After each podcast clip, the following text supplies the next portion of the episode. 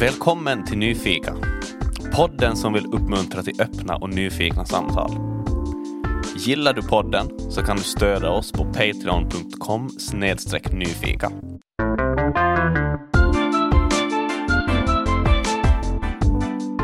Idag sitter jag och pratar med journalisten Mikael Sjövall. Välkommen till Nyfika.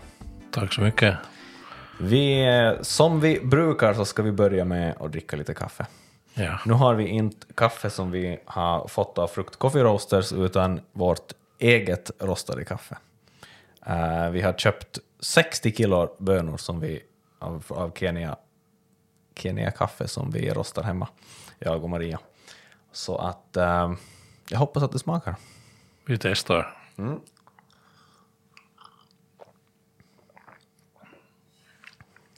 Mm, inte alls illa.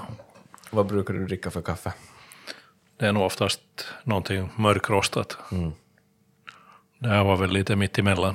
Ja, det var lite mörkare än vad vi skulle ha vill, eller vad jag Mm. skulle vilja att det skulle vara faktiskt. Men, Mm. ehm, men ganska, ganska gott ändå. ja, jag är ju oftast förstås mest kritisk själv. Mm.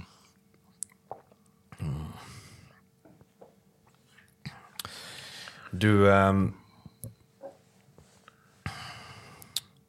jag tänkte börja så här eh, rakt på sak och fråga hur mår mediefriheten, yttrandefriheten i Finland idag?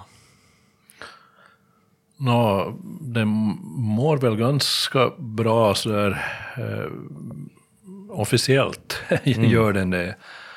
Om vi ser på olika mätningar som till exempel Reportrar utan gränser har gjort och, och, och så. Men de här indikatorerna är ganska eh, trubbiga. Och det är mycket som inte fångas upp i sådana eh, mätningar. Eh, Det är till exempel väldigt svårt att mäta graden av självcensur.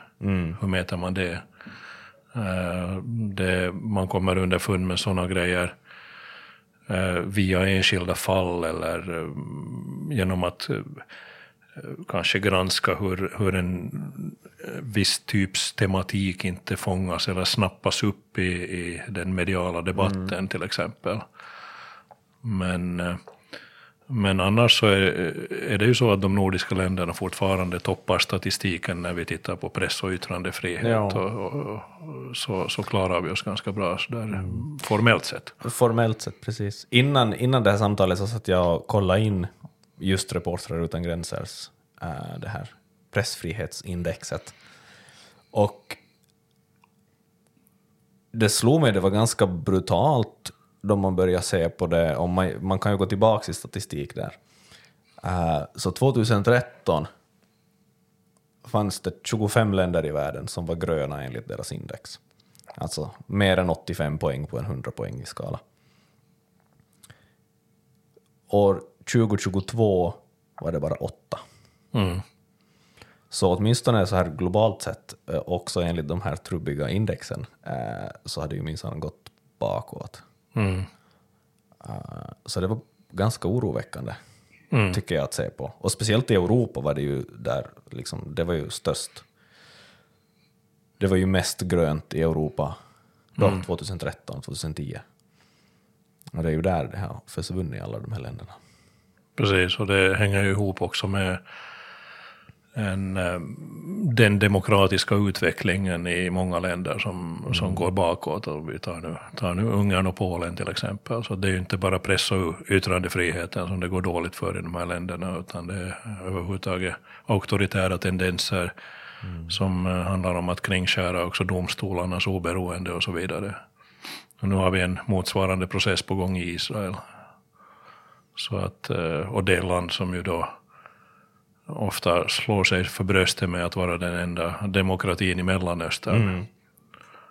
Så att eh, det är precis som du säger, det, om man tittar just i backspegeln så under de senaste 15 åren ungefär så, så eh, har det skett en försämring i väldigt många länder, också inom Europa.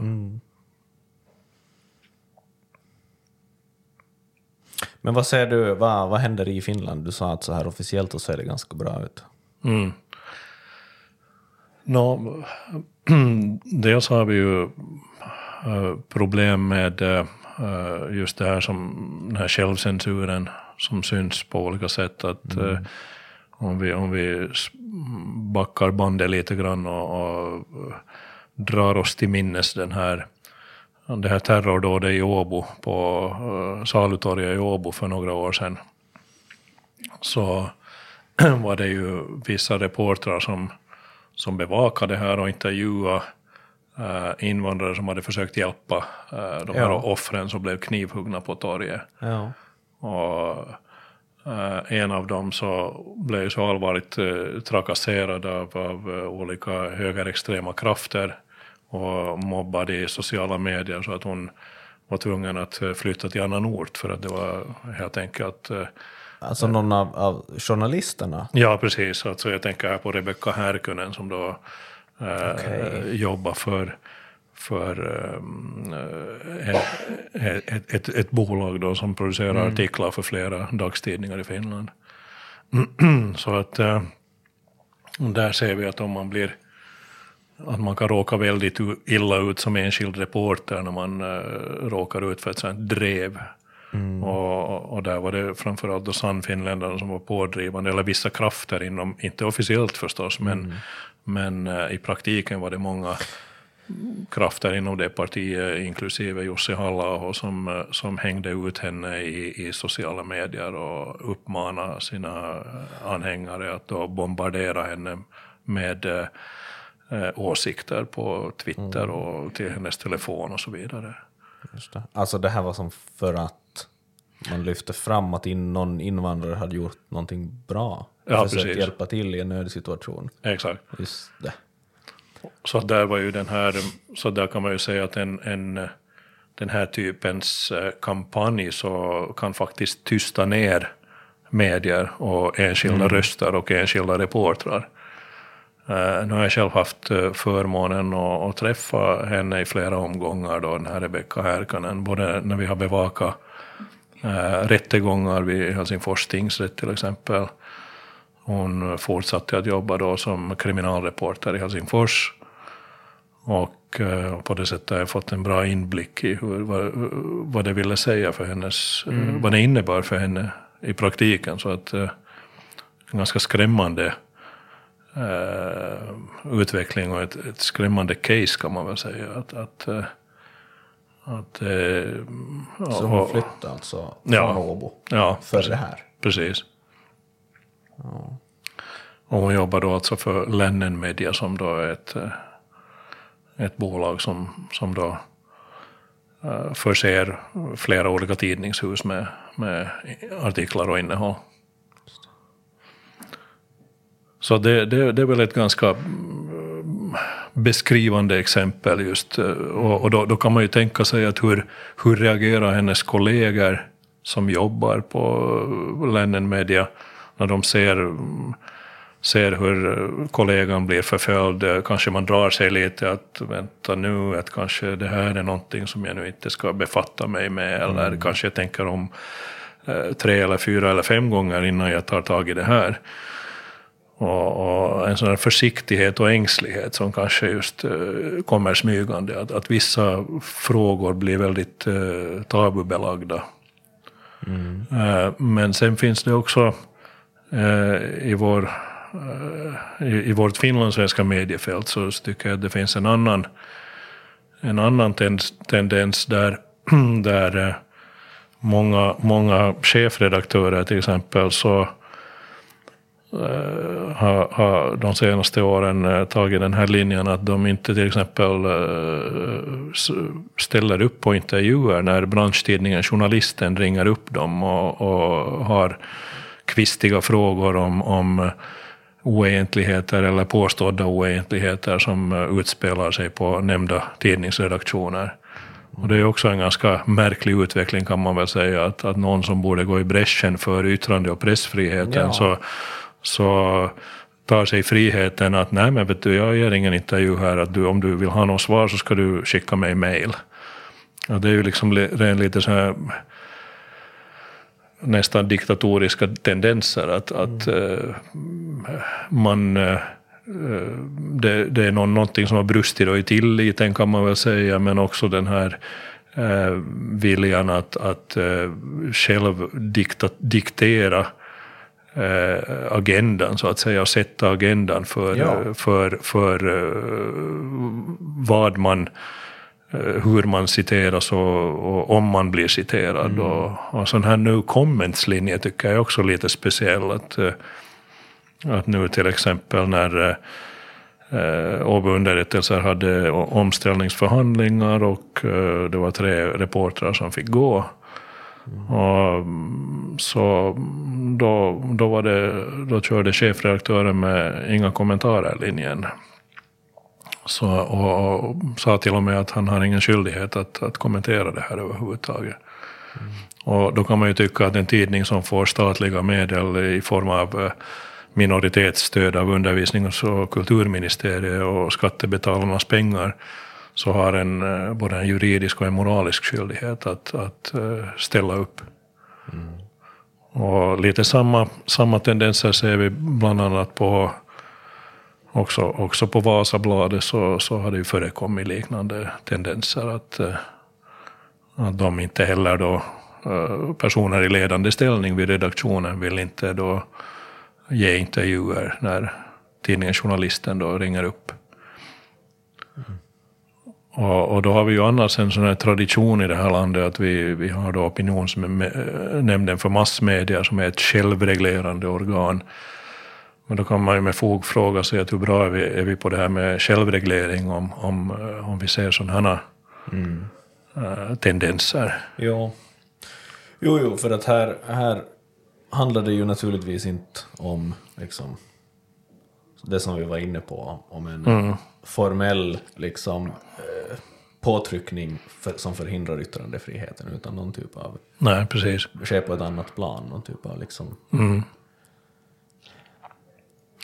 Ja, men det känns ju lite som att, som att man, man tappar sin eh, yrkesidentitet som värnare om yttrandefriheten, om pressfriheten. Och överhuvudtaget tycker jag att väldigt många instanser med makt så kan, kan ha ett ganska eh, märkligt förhållningssätt eh, till eh, journalistiken. Jag, jag gjorde här nyligen en, en, eller skrev nyligen en artikel som handlar om den här gigantiska donationen på 37 miljoner euro från Blindskolföreningen till Svenska folkskolans vänner. Okej. Och, och då plötsligt så blir jag indra, indragen i en sån här ändlös diskussion med um, både styrelseordförande och, eller främst då faktiskt styrelseordförande som, som var väldigt förgrymmad över att, att vi hade använt oss av anonyma källor i, i den här artikeln. För då fanns det källor alltså som tyckte att, eh, att, eh, att det var ganska märkligt att, eh, att de här pengarna då som är avsedda för personer med funktionsnedsättning och, och synnedsättning, att, eh, att, det då, att, att man då ändrar stadgarna i, i sista minuten före, före själva donationen så att det möjliggör en donation till Svenska folkskolans vänner. Och eh, att eh, ha det här eh, organisationsfältet som jobbar med de här frågorna varje dag eh, inte får ett rött korvöre. Så då kan man ju, det är ganska intressant, jag menar, att ställa den frågan så var det redan too much för, för den som fick, fick den här donationen. Då, då, och det tycker jag är lite märkligt att, att eh, vi talar ändå om, om kanske den största donationen någonsin som, eh, som eh, i det här fallet då SFB har fått. Så att jag tycker att det är en legitim eh, fråga som de här personerna då ställer. Att eh, kommer de här pengarna att användas på ett rätt sätt och eh, kommer den här målgruppen att gynnas? Och om redan det är ett, ett väldigt betraktas som ett väldigt eh, fult tilltag att ställa de frågorna så, så då har vi ju ett problem tycker jag. Ja, alltså jag tänker mig att Svenskfinland kan vara ganska speciellt i de här avseendena. Mm. För att, dels för att vi är så, så otroligt liten community på något sätt. Vi är så väldigt få, så nästan alla känner alla. Och det betyder också att vi är väldigt vana med en viss typ av nästan nepotism för att no, rent praktiskt kan vi nästan inte komma undan för att alla känner alla. Mm, mm, ja. Eh, så jag tror nog, men för vi har ju också märkt med, med podden så här att folk är ju väldigt försiktiga egentligen att sticka ut näsan. Uh, och, och ibland då vi pratar med folk, antingen som faktiskt är gäster eller folk som, som vi annars pratar med och sen funderar på att hej men ska du komma med i, podden och prata om det här så, så när man pratar liksom off record så kan man ju vara mycket mer frispråkig, mycket mer liksom säga egentligen intressantare saker. Mm, -hmm. Men, men på något sätt så vill man liksom inte riskera att säga något som är känsligt offentligt för att vi har ett så... Jag, jag vet inte, jag kommer inte riktigt åt det här, men, men Mm. just ett offentligt klimat som, som inte riktigt tillåter att någon... Vi ska ha det så trevligt. Ja, jo, jo, Vi ska när, bara hålla sams. Liksom. Och det är på något sätt viktigt. ja, när den här... Ibland upplever jag att vi mysknarkar oss till döds in, inom svensk Finland. Att det, och, då tänker jag inte bara på den här mysfaktorn i Strömsö eller något sånt, utan, utan överhuvudtaget så verkar det finnas ett outsinligt behov av att uh, fylla tidningsspalterna med sådana här lifestyle-grejer där, eh, där man uh, omger sig med fluff och, och, och det där och dämp, dämpar, ska vi, där, där huvudsyftet tycks vara att, att, att just uh, hålla igång den här goda stämningen och inte, inte påtala oegentligheter eller problem som är egentligen journalistikens grunduppdrag. Ja. Så att eh, det, det tycker jag har jag alltid, alltid lite förundrat mig, men att, eh, jag tror ju inte att det är bara Svenskfinland förunnat att uh, tampas med det här, utan alla, alla små samfund så har väl, har väl lite samma dilemma. Jag kommer ihåg jag var på en arbetsresa en gång i Kirkenes i Nordnorge och, och samarbetade med en videofotograf. Och, och så frågade jag honom att är det lätt att bränna broar här? Så sa han, jo det är det. Ja det är lätt, men konsekvenserna är stora. så det, det är ju så, så det är i alla, alla små samfund. Och, och, och därför, av just den anledningen, så är det ju viktigt att vi har eh, att vi ställer eh, hårdare krav på, på självreglering när det gäller då yttrande och pressfrihet, men också, också till exempel rekryteringsprocesser. Att, att, eh, den här, jag skrev en kolumn nyligen för Ny Tid som, eh, som handlar just om vänskapskorruption. Och, och, och den, eh, det var många som blev väldigt upprörda och väldigt arga på den här kolumnen. Men eh, en av de här kommentarerna som, som jag tycker var väldigt eh, intressant var just att, att, eh, att, eh, att det, är, det är ju ofrånkomligt, precis som du säger, det här att, att, att när vi, är, vi har ganska små kretsar så alltid är det någon man känner som man då kanske rekryterar till en arbetsplats och så vidare. Men, men just av den anledningen eh, så borde vi vara så mycket bättre på att ha sådana transparenta rekryteringsprocesser där man inte då eh, behöver eh, fäktas med de här misstankarna om att det kanske inte har gått riktigt rätt till eller, eller så. Vad skulle göra det mer transparent? Eh, jag, jag har nu i mitt liv varit med om ganska många rekryteringsprocesser och, och, och där jag har liksom psykologtestat. Så jag har, eh, och det, de har förlitat sig på expertutlåtanden och, och det har varit eh, en tre eller fyrdelad eh, rekryteringsprocess förrän man har kommit i mål. Eh, så att det, det, det håller, det behöver inte alltid vara lika omständligt förstås, men, men, men det här att man handplockar folk så, så mycket som man gör i svensk Finland, så det, det är ju inte riktigt eh, okej. Att eh, förstås i företagsvärlden så Um, ja, jag menar det finns ju headhunters som jobbar med det och så men, men, uh, men det är nog väldigt ofta som, som också vänskapsbanden får um, styr vem som får jobb och vem som inte får det. Eller ja. den som har rätt efternamn och den som har fel efternamn som får, får känna av det. Så, men nu kom vi lite på på avvägar kanske, men eh, om, om vi tänker ja. på det här övergripande temat, men förstås hänger ju allting ihop. Det minsann. Mm. Jag menar, nåja, om, om man nu vill, vill följa teman vad vi pratar om så, så då kommer vi ju in här på, på det här fallet just med, eh, med Svenska Yles eh, poddsällskapet och, mm. och Rafael Donners um, ja, uttalanden kring det. För att där handlar det ju just om bara om man har rätt efternamn eller inte. Mm, mm. Och så fick, fick Rafael Donner Svenska Yle att redigera bort, på tal om självcensur, alltså. mm, äh, redigera bort saker man har sagt i podden. Mm. Vilket jag tycker ser väldigt, väldigt godtyckligt ut. Mm. Um, så det är, det är definitivt en oroväckande, alltså ett exempel på just sådana oroväckande tendenser som vi ser. Mm. mm. För just för att det hänger ju exakt ihop med allt det här. Alltså ja. finlandssvenska klimatet och eh, mm. namnen och uh, ja.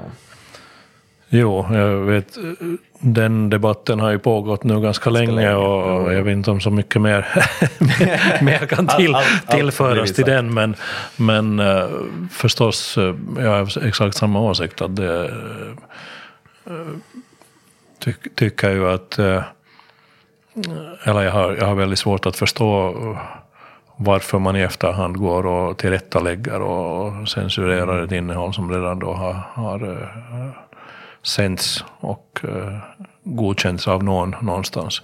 Ja. Så mm, på det redaktionella planet. Så att, uh, och, och, mm, jag har svårt att tänka mig att någon, någon med kanske uh, mindre inflytande och uh, från en annan, annan släkt som skulle ha, fått lika stort gensvar för sin, sin respons. Nej. Nej, knappast. Eller vad vet man, men jag gissar mm. inte. Ja. Uh. Men, men annars så, nu, nu har vi ju nu, äh, har vi lite grottat ner oss i det här finlandssvenska, men annars om vi tittar på, på uh, samhället i stort så, så är ju den här rättsprocessen där mm, som ha, handlar om det här signalunderrättelsecentret och, och rättsprocessen mot Helsingin Sanom, det är ju också en mm. väldigt oroväckande trend. Och, det är ju också någonting som har noterats utanför landets gränser. Ja. Så, och eh, oroväckande på, på så sätt att det å ena sidan så eh, frigör det chefredaktörerna från, eh, från det, eh, an, sitt ansvar som ansvariga utgivare och, och, och, så lastar man över det ansvaret på den enskilda reportern som då har fått i uppdrag att skriva den här artikeln. Och, och sen eh, och sen det andra, andra, andra handlar ju om, om eh, just eh, vad det leder till på lång sikt. Att, att eh, samma sorts uh, ovilja att ta tag i det i framtiden kommer säkert att växa fram som, mm. som i det här fallet då med Rebecka Härkönen. Att det blir ett tabubelagt eldfängt tema som som väcker en viss beröringsskräck på redaktionerna och som gör att, att vi plötsligt har en, en, ett samhällsområde eller en viss tematik som uh, flyger under radarn och som inte får den uppmärksamhet som mm. det borde få. Ja. Alltså så, så vad, vad handlar det här fallet egentligen om? Alltså de, de här journalisterna har publicerat information som var sekretessbelagt. Och då har ju försvaret framhävt att den, här, den information som uh, fanns i artikeln så, så uh, hade publicerats eller offentliggjorts på annat håll. Ja. I, alltså i, försvaret som i, i deras juridiska försvar, inte Finlands försvar. Ja, förlåt, ja för, just det, alltså i, i, i rättegången. Ja. Så de här uppgifterna fanns redan ute i offentligheten. Och, och det där och, och Visste man om att de var sekretessbelagda, de här journalisterna? Jo, det visste de, ja, ja. Men att just med hänvisning till att de redan hade fanns ute in the public domain, så att säga. Så. Och, men att sen handlade det också om att, eh, att man i rättegången då försökte sätta dit dem för eh, artiklar som inte hade blivit pu- publicerade. Så att redan den här avsikten att publicera någonting som, som då betraktas som eh, sekretessbelagt, så redan det det är då ett brott i sig enligt, enligt eh, statsmakten och åklagaren.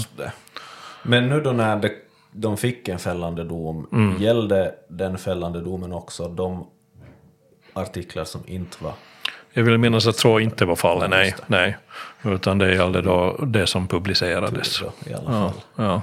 För annars blir det ju etter värre just för självcensur. Jo, För jo. då räcker det inte ens med att man Nej. Eh, stoppar en artikel från att publiceras, utan det ska Ja. vara Ja. farligt redan om en journalist har skrivit en artikel. Mm. Men Precis.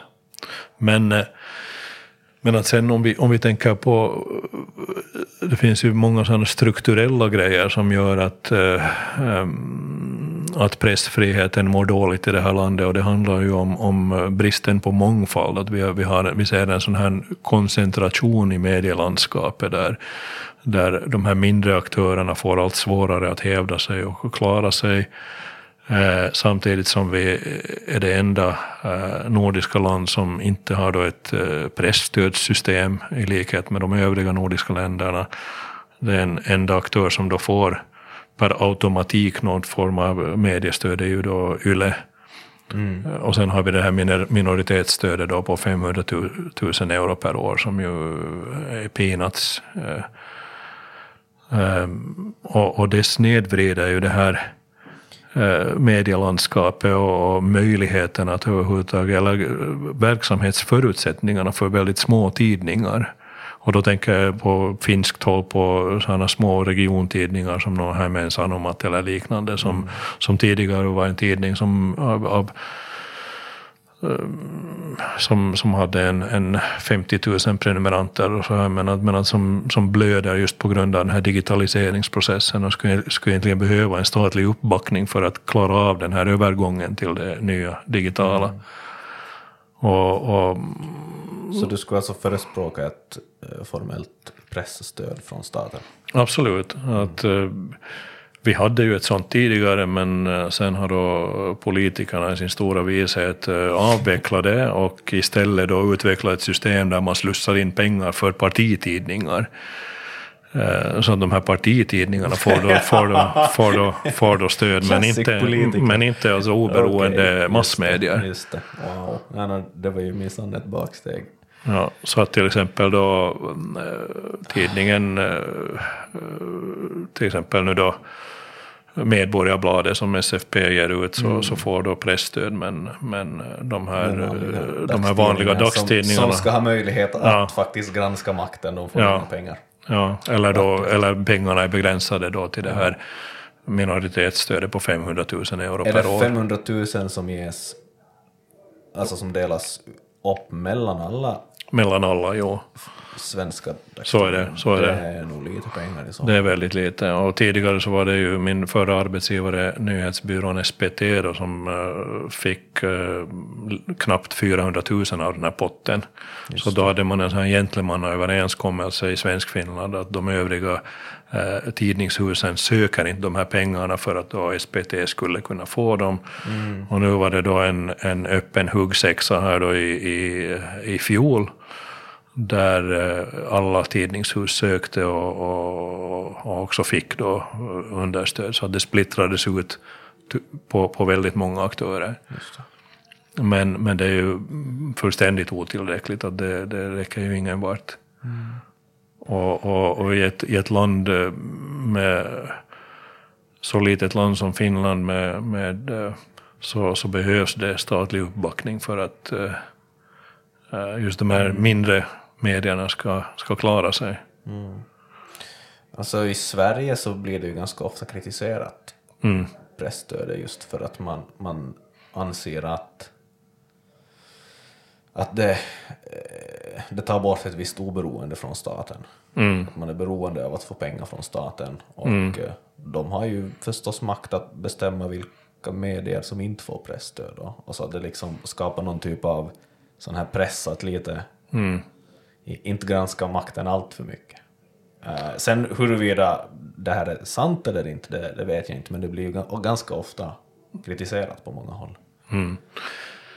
Nå, om, vi, om vi igen gör den här jämförelsen med, om vi tänker liksom mellan svensk Finland och Sverige, så, så i Sverige har de ju då en, en annonsmarknad som inte alls är jämförbar.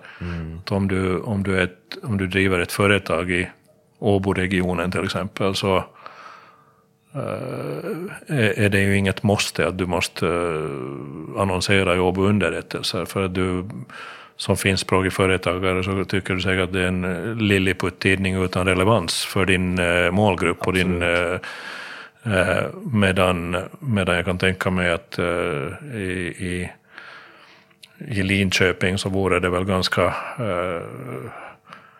korkat att helt och hållet sidsteppa en tidning som Östgöta Korrespondenten som lokal företagare om du, om du vill ha en genomslagskraft. Så, du, så det finns också ett sånt beroendeförhållande, ekonomiskt beroendeförhållande som gör att de har helt andra verksamhetsförutsättningar. Och i svensk Finland så är det ju bara egentligen, det är egentligen bara två mm, två tidningshus som går på vinst, alla andra går ju back. Eh, så att vi har, vi har HSS Media som gör en vinst på någonting mellan eh, 700 000 och 1,5 miljoner euro per år och sen har vi då eh, Ålandstidningen eh, i Mariehamn som då också går på vinst.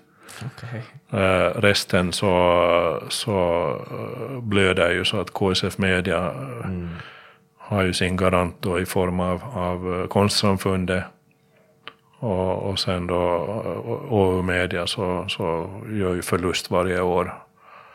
Och tills vidare så har de då täckt den här förlusten med eh, genom att eh, eh, eh lapp, lappa hålen i budgeten med, med eh, förräntade medel som de, de, och, och besparingar som de har. Men det, den, den kassan börjar sina så att det, vi talar om några år så, så, så finns inte den bufferten längre. Mm. Så att situationen är ganska kritisk på svenskt håll, alltså i, i, om vi tittar på tidningshusen. Men, men också för väldigt många eh, finskspråkiga tidningar som, eh, som har haft en, tidigare haft en trogen läskrets och, och där, där allt fler eh, yngre presumtiva prenumeranter då sviker dem samtidigt som man ska ha mer pengar för att satsa på den här digitaliseringen. Så, och, och, det är ju därför vi också ser den här koncentrationen av, av där det blir färre och färre aktörer som, som också då tar över en större del av, av marknaden. Och det, det är ju inte heller bra. Att, att diversitet är ju alltid bra med tanke på, på just yttrande och pressfrihet. Så mm, det är ganska många, många, många grejer som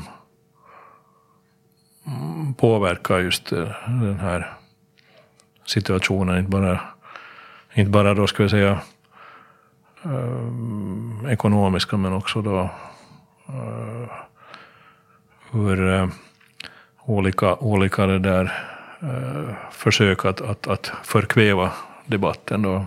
Mm. Ett annat som det fall som, som jag har följt med ganska mycket och tyckt varit väldigt intressant och var ju det här med just hur Åbo underrättelse stoppade Emma Strömbergs artiklar. Eh, det här var väl i, i somras som det utspelade sig. För. Så, eh, så bara för att ge bakgrund till, till lyssnaren så, så publicerade alltså Emma Strömberg i maj visst, en artikel som granskar en, en eh, lokal vänsterpolitiker och hennes uttalanden eh, sp- spridning av desinformation vad gäller Rysslands anfallskrig och eh, andra oegentligheter. Eh, och när hon då hade skrivit en uppföljande artikel som skulle ha med kommentarer från, från just ledningen för Vänsterförbundet i, i regionen så, så blev det stopp rakt av. Egentligen utan direkt förklaring vad, vad man har fått veta utåt. Mm. Och, och det här tycker jag var otroligt sorgligt. För att du var lite inne på det här att vi, vi, vi mysknarkar. och, och jag tycker att det är ganska sällan man ser en sån där gedigen, liksom faktiskt grävande artikel bli publicerad. Mm. Alltså klart de finns, men, men de, de är inte vanliga. Så jag blev väldigt imponerad då jag läste artikeln. Mm. Och, och att det just liksom största mothugget till det här kommer från mediehusen, liksom internt. Mm. Eh, det, är, det tycker jag är väldigt oroande, oroväckande. Ja, för nu, nu, nu har ju då chefredaktören urskuldat sig med att, eh, att det kom ingenting nytt i sak i den här artikeln. Och det, det får vi ju aldrig veta eftersom varken du eller jag har läst den här uppföljande artikeln som aldrig publicerades utan censurerades. Men, eh, men jag tycker att det är oerhört relevant att veta ah, vad eh, gruppordförande i Vänsterförbundets eh, fullmäktige grupp anser att, om att de har en, en politiker i sina led som håller på att trakasserar folk och sprider desinformation om Ukraina och dessutom utger sig för att vara den, den eh, enda representanten för det ryskspråkiga samfundet i Åbo. Och då tycker jag att vi, vi har all rätt att eh, veta som läsare att, att hur hanterar man det här? Det, det, det handlar ju ytterst om det politiska ansvaret. Absolut. Antingen bär man ansvar eller så bär man inte ansvar. Men nu fick vi då aldrig veta det för att eh, högst troligt så har det ju då gått till så att den här gruppordförande har, har ondgjort sig för chefredaktören över eh, den här artikeln och eh, de, de formuleringar som finns där och, och påstått att, att, att, att det är en svartmålning av Vänsterförbundet och så vidare. Och så vidare. Och då är ju chefredaktörens uppgift att försvara sina reportrar och, och ta den här fighten. För att, eh, att antingen, antingen kan man då välja att, att, eh, att eh, försvarar man press och yttrandefriheten i det här specifika konkreta fallet eller, eller, eller vill man då satsa mera på, på annan typ av journalistik som, som inte granskar makten? Ja, nej, exakt. Alltså liksom vad, vad är alternativet här? Alternativet är att man håller sig på god fot med, med lokala politiker, men till vilket pris? Eller som, vad, vad, är, vad är målet med det? Mm, nej. Och Nu- Det är bara mycket frågor som man aldrig riktigt får svar på förstås. Men, Nu är det ju många då som har eh, triumferande mm, sagt att ja, ja, men se nu att opinionsnämnden eh, för massmedia friar ju då den här chefredaktören, så han hade ju egentligen rätt och så här, men det, det, så, är det, så är ju ingalunda fallet, utan det är ju så att det handlar snarare om att eh, chefredaktören har ett väldigt stort inflytande och, en väldigt stor makt att, eh, att fatta beslut om vad som publiceras och inte publiceras. Så att opinionsnämnden tog ju inte egentligen ställning i sak till, till det journalistiska mervärdet, vad hade varit det journalistiska mervärdet av den här artikeln, utan det var närmast om chefredaktören hade rätt eller inte hade rätt att stoppa den. Och där kan man ju nog säga att det här förtroendet är brutet mellan redaktionen och chefredaktören, så det ska bli intressant att se hur, hur ja, eller det vore intressant att vara en fluga i taket på den redaktionen, att hur, hur det dagliga jobbet går till där efter att man då har anmält sin egen chefredaktör till ja. opinionsnämnden och, och samtidigt som, som, eh, som behovet ju är väldigt stort, stort av, av, av granskande journalistik, eh, fortsatt lika stort. Men, men eh, där har vi igen den här självcensuraspekten, att vill man, vill man eh, efter ytterligare en omgång av omställningsförhandlingar där tre människor har fått sparken, vill man utmana ödet och vara en strulputte som, eh, som tigger om stryk och, och framhärda och insistera på att jag tycker att vi ska bevaka det här och det här. Mm. Så det är en avvägning mellan självbevarelsedrift och, och sen då en, en förmåga att, eller en möjlighet att, ja. att få en utkomst. Ja, ja, absolut. Och det är ju därför det känns som att det borde ju vara mm. chefsredaktören och de ansvariga utgivarna som, som tar den fighten egentligen. Precis. Äh, mm. Med att försvara det journalistiken ska stå för. Det är ju därför de får en, eh, det är därför de får en lön som är, är fyra gånger högre än en eh, vanlig reporter. Så för att de just ska, just ska ta det här ansvaret, för att de, de, för att de ska ta de där fighterna. Mm. Så att, eh, om de inte gör det, så vad, vad behövs då en sådan chefredaktör till kan man fråga sig. Men, Administrativt arbete. Mm. Men, men jag tycker att det är en väldigt bedrövlig, bedrövlig utveckling eh, eh, om, om, eh, om man allt, allt oftare börjar väga ord på guldvåg utan att, att våga sticka ut hakan. Mm. Och, och, och, vi ser redan nu en tendens där, där vi utöver det här myspys-stuket så, så har vi mer sån här pressmeddelande journalistik där man hjärndött äh, återger det ena och det andra äh, mm. utan att ställa följdfrågor och utan att ringa upp folk för att det helt enkelt inte finns de där resurserna, att man har, redaktionerna har blivit så resurssvaga ja. så att man inte då kan ställa de här äh, kanske lite otrevliga följdfrågorna att varför tänker ni se eller så kring det här. Så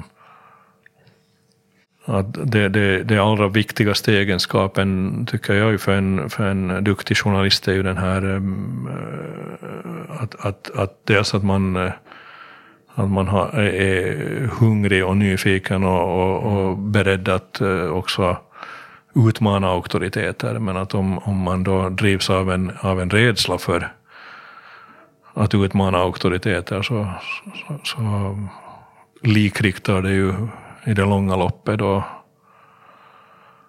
um, det journalistiska innehållet. Mm.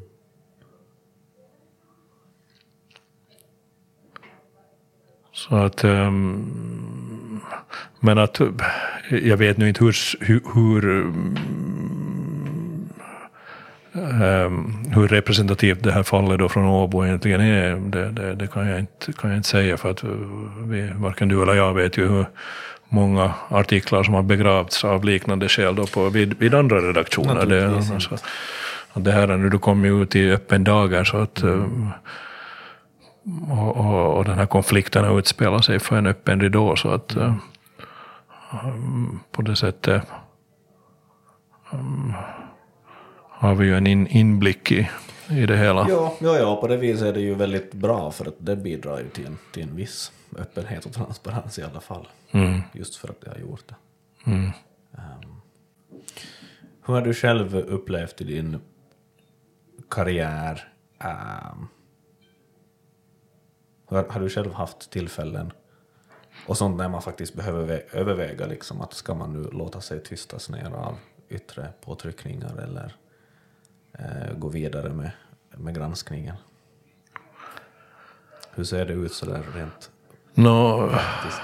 No, jag brukar ju säga lite självironiskt att jag har en ganska dålig självbevarelsedrift eh, i, i bemärkelsen att, att jag skulle eh, tänka på min karriär eller eh, eller hålla tand för tunga av spelteoretiska skäl eller så. Så, så, mm. så det är väl inte riktigt min grej.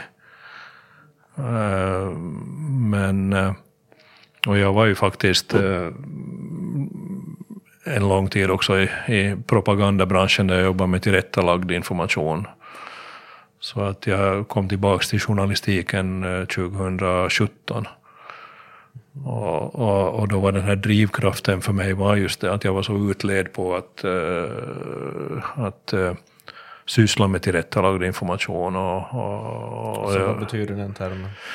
Och det betyder ju att, att eh, om du jobbar för ett företag eh, så går, som kommunikatör eller kommunikationschef så handlar det mycket om att polera fasaden och, och om att, eh, att eh, uppvisa mm, det som eh, eller ja, det som ser bra ut och, och bygga, bygga lite Potemkin-kulisser och så, men att eh, det är ju inte så att man går ut med oegentligheter eller, eller av, stora avslöjanden, utan det, det är en annan typ av, av information och kommunikation.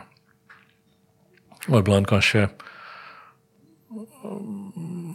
jag jobbar då på ett finansinstitut som bland annat eh, finansierar miljöprojekt i Ryssland och, och Belarus.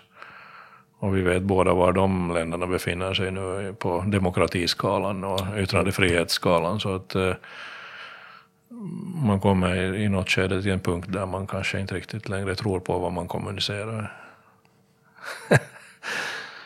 så, så, så att på något sätt hade jag en sån här naiv, naiv illusion eh, när jag sen då kom tillbaka till journalistiken 2017 om att nu, nu blir det andra bullar. Att nu,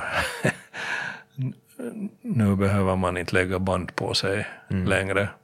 Men, eh, men förstås finns det ju begränsningar för vad, eh, också, också där vad man, eh, vad man kan skriva om. Att alla, alla tidningshus har sina bindningar och kopplingar till olika håll, inte allra minst från sina egna ekonomiska garanter. Mm. Så att alla har vi ju något bojor åt något håll. Också ni som producerar den här podden tror jag har bojor. Eller har ni Vä det? Väldigt få. Ja. alltså, mm. no, på något sätt, vi har fått stöd från, från Svenska kulturfonden för att det här ska gynna det svenska i Finland. Mm. Så, så det behöver det ju göra. Precis. Men men nu vet vi ju faktiskt inte ännu förstås mm. om vi får fortsatt stöd eller inte. Mm.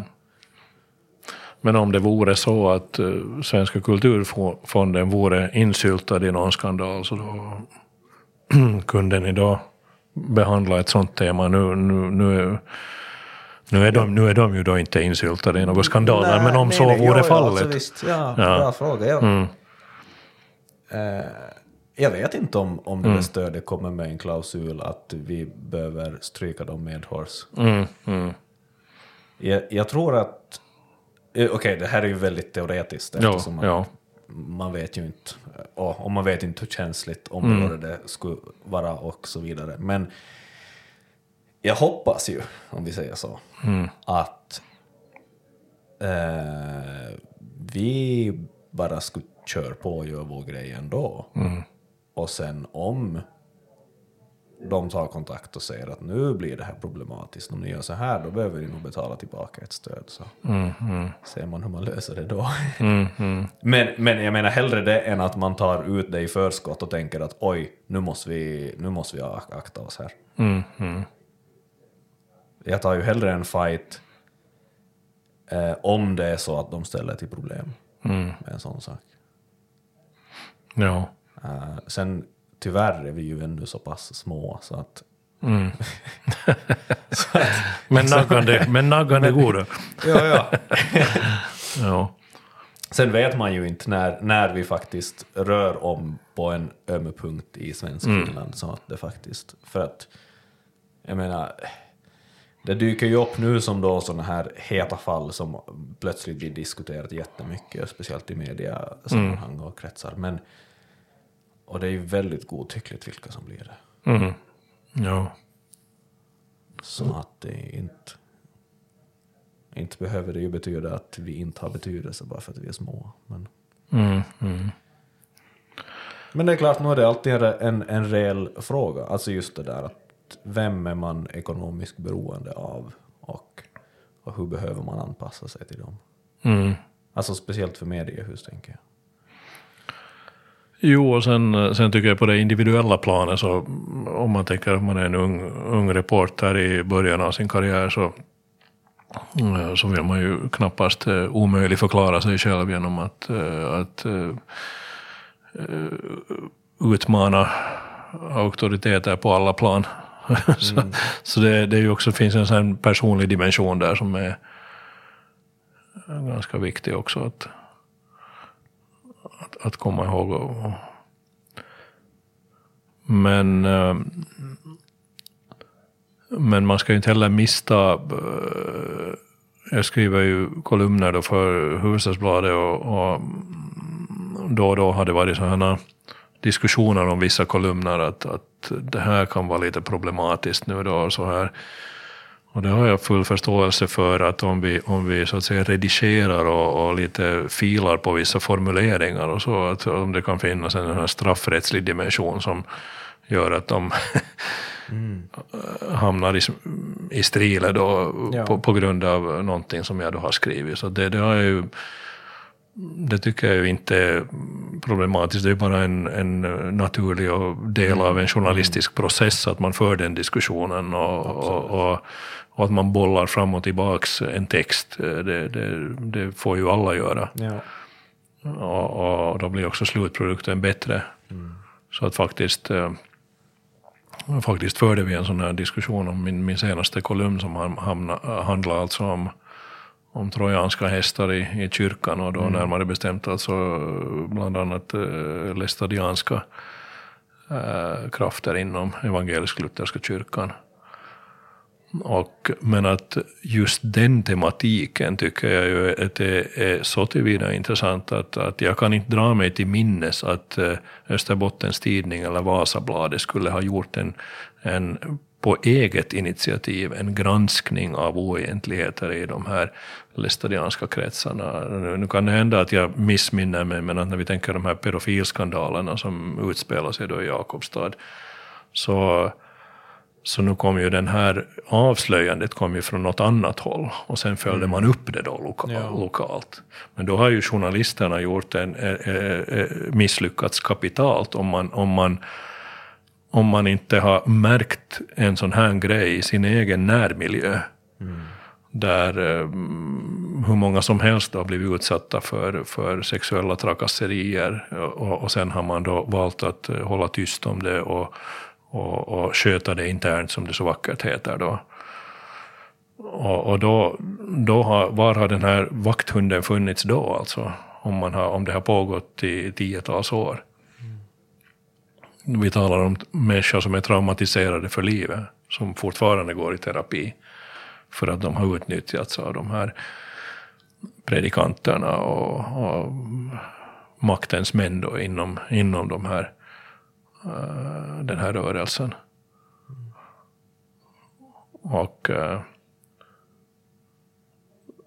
och, och det, det, är framförallt där som jag ser den här eh, största risken att, att,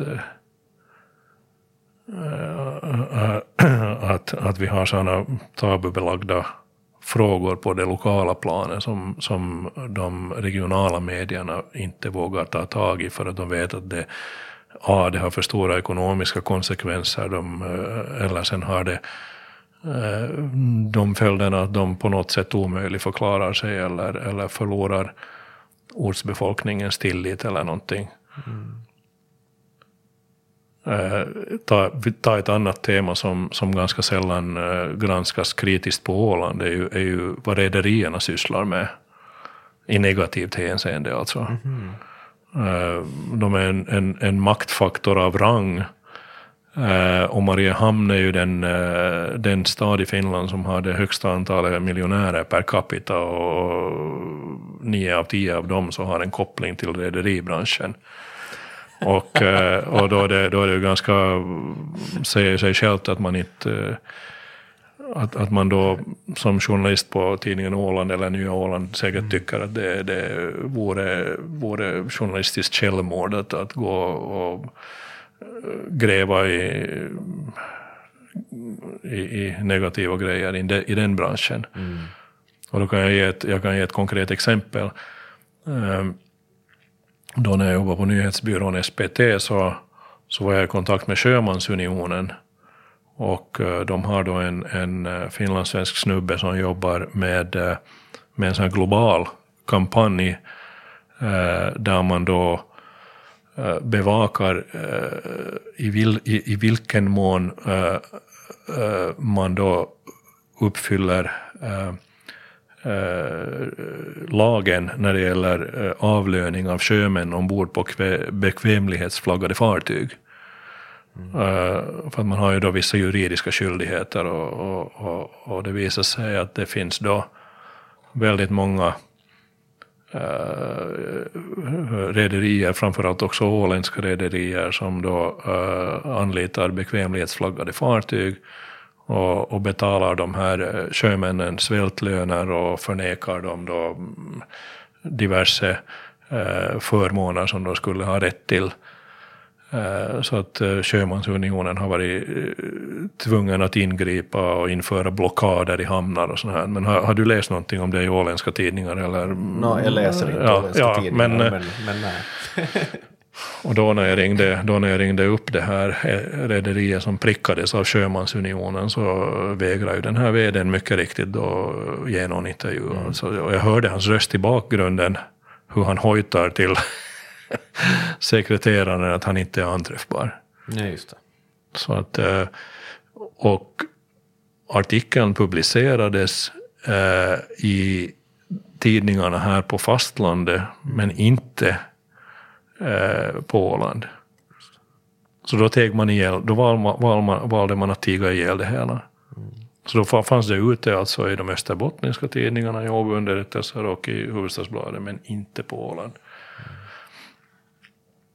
Och, och, och, det är ju ett ganska prakt, det är ju ett praktexempel igen då på någonting som eh, man har väldigt svårt att följa upp eh, via sådana här mätningar av press och yttrandefrihet och indexhittan och dittan. Att hur, mm. att hur i bövelen hittar du en sån uh, grej?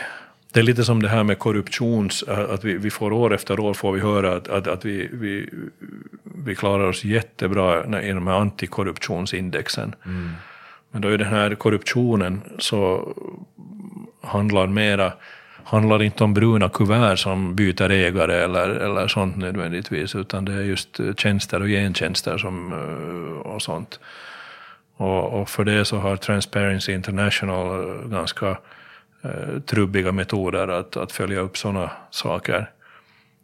Och, och, och, lite samma sak tycker jag det är just med det här yttrande och pressfrihetsindexet, att det, det, det finns grejer som faller lite mellan stolarna och, och inte riktigt eh, snappas upp mm. eh, i de tabellerna och de kartorna och de eh, också för att man då, jag menar, ta nu Reportrar utan gränser så är ju också en väldigt långt en frivillig organisation. Eh, verksamhetsledaren får väl någon liten symbolisk ersättning med det ungefär det, så det, det finns gränser för vad de kan göra också. Mm. Jo, jo, det är klart. Alltså, Här i Finland alltså. Det går ju knappast föreställa sig vilket mm. enormt arbete det skulle vara att i varje land jo. försöka för, på riktigt ta reda på hur jobbar alla lokala jo. redaktioner, eh, vilka intressen styr deras rapportering och så vidare. Det, det säger ju sig självt att det är Precis. Man tittar ju på, mest på lagstiftning och, mm. och vilka är de här eh, ramverk, de juridiska ramverken som möjliggör uh, överhuvudtaget en, en fri press och så. Så det är ju, av förståeliga skäl så är det ju fokus mest på det då. Ja. Jo, jo, men det är ju förstås ändå de viktigaste aspekterna. Mm. Ja. Alltså, för att det är ju väldigt tydligt att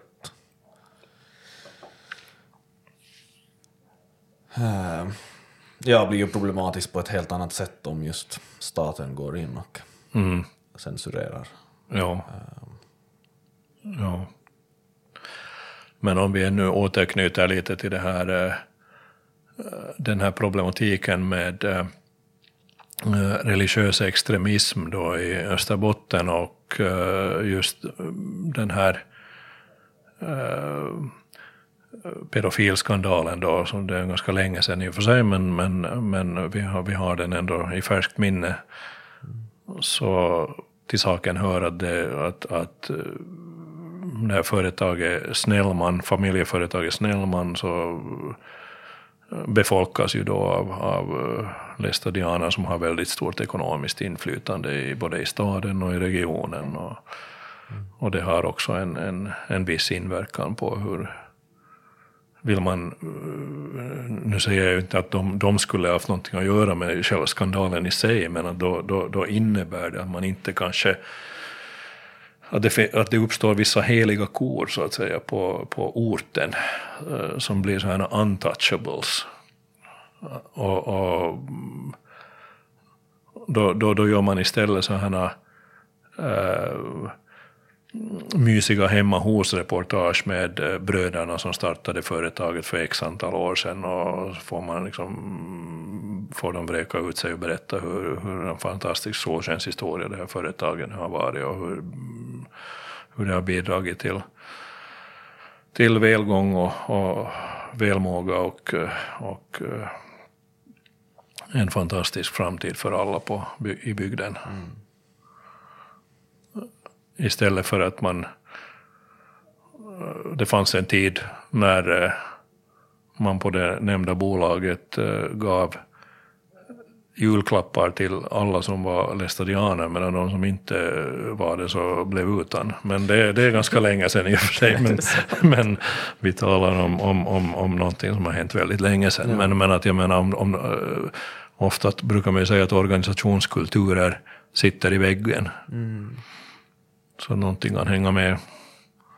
Knappast hade varit så på väldigt, väldigt länge, men, men, men bara, det, det tycker jag bara är ett så groteskt exempel. Att, eh,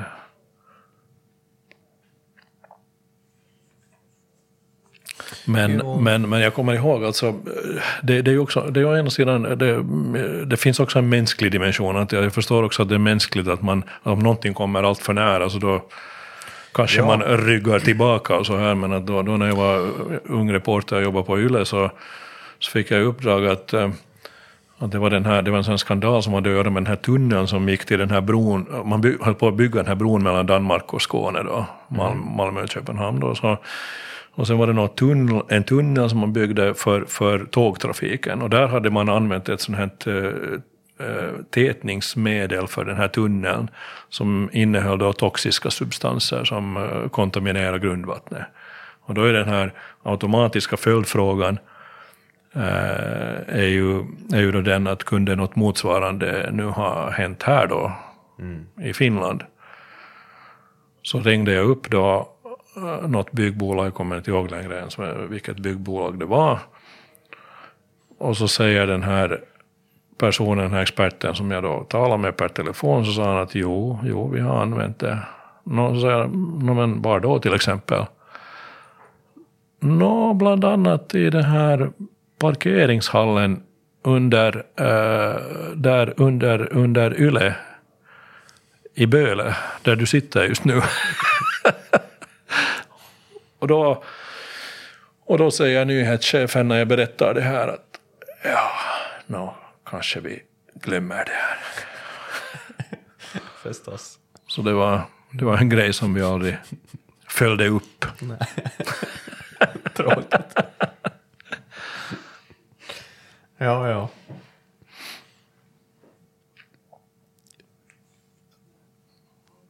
Nej, men så där kan det ju förstås vara. Sen tycker jag ju det finns ju också en möjlighet att man helt enkelt bara blir blind för det som är för nära. Jo, det också. Så på något sätt.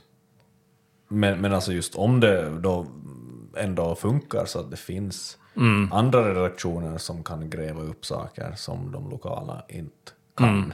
Mm. eller inte vill, eller mm. inte ser, så är det ju ändå ett system som i någon bemärkelse funkar. Mm.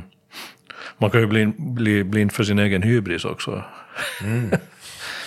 Till all lycka så har jag då tre döttrar som drar ner mig på jordytan ganska ofta, men, men eh,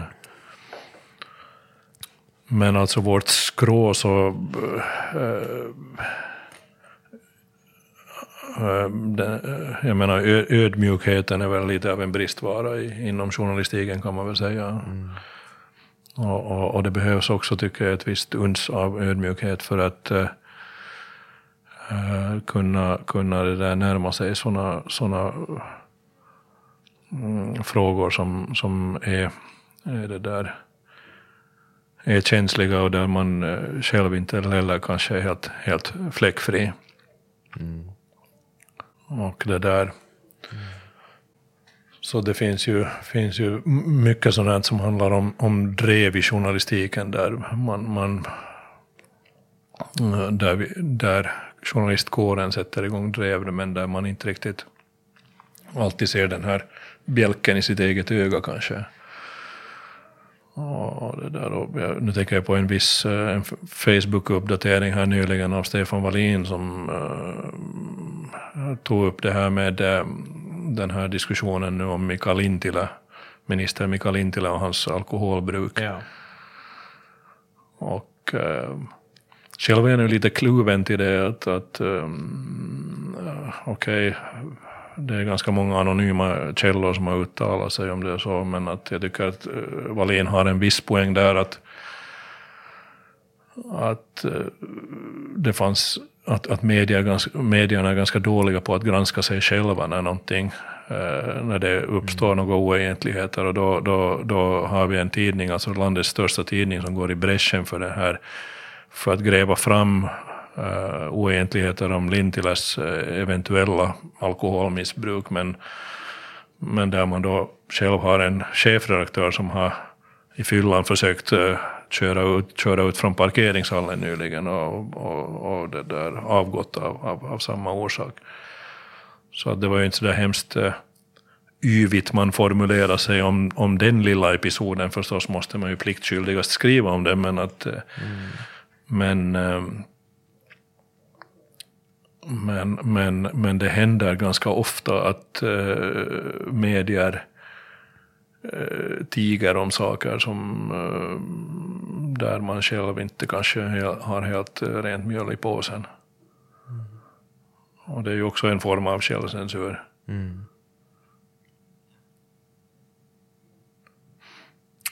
Men vad är lösningen på det då? gå ut och ja, du. proklamera allt vad man gör fel? Nej, no, men, eh, vi har ju den här kutymen med, med rättelser, rättelser och sånt. Eh, att, att, eh, men att det gäller ju närmast om man har gått ut med falsk information och så. Men att, men, men att tydliggöra de här egna kopplingarna, vilka ju, vilka ju finns redan i journalistens regler, Mm. Det är ju ett steg. Och, och förstås kan ju inte en, det blir ju ett objektivitetsdilemma också. Att, jag menar, jag förstår ju också det att en, en tidning kan ju inte själv uh, vara pådrivande i, i avslöjandet om, om sin egen chefredaktörs alkoholmissbruk och, och så. så att, men, men, men det finns ju trots allt alltså den här dubbelmoralen så, så är ju ganska synlig just nu när vi ser hur drevet går. Mm.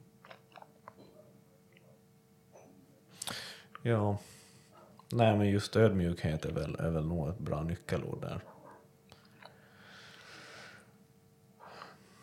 Och, och, det, det, och det media är nog, alltså det, jag är ju inte någon uh, modellelev heller när det gäller ödmjukhet. Så att det, det, är någonting som man får jobba med hela tiden. Alltså mm. överhuvudtaget. Att, att, att, utve- du har att utveckla. som jobbar på det? Eller? Absolut. ja, den yngsta av dem så har för vana att Eh, sådär som, som hon är då 15 och, och eh, jag vet inte, du känner till den här serien Modern Family? Ja. ja. Som är sådär lite pseudoreportage utan att vara det förstås. Mm.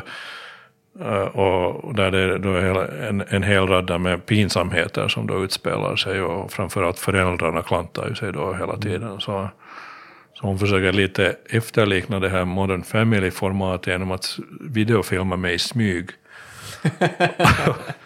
Och sen om Okej, jag... kommer, kommer de här videorna ut någonstans? Kan vi se dem på Instagram eller någonting? Ja, det är ju det jag inte riktigt vet eftersom jag själv nu inte är på TikTok och så. Men, men, men hon, hon, bedyrar, hon bedyrar att de bara går på Snapchat till sina kompisar. Då, Aha, så här. Men då, då är dagen eller veckan räddare om man har lyckats fånga, om hon har lyckats fånga farsan där han liksom ger ett riktigt klantigt intryck. och, då, och då garvar de då en, kanske, eller så säger hon då att de är en grupp på tre, fyra, fem tjejer då, så sysslar alla med samma sak lite grann då. Så att det där, det, det gör ju man, man, man har ju ögonen på sig så då måste man ju lite Nej, skärpa bra. sig, skärpa sig vet du. Bra, de är alltså Ja. blivande journalister. grävande journalister. Ja. Det är bra att någon håller ögonen på dig också. Ja. Det kan behövas.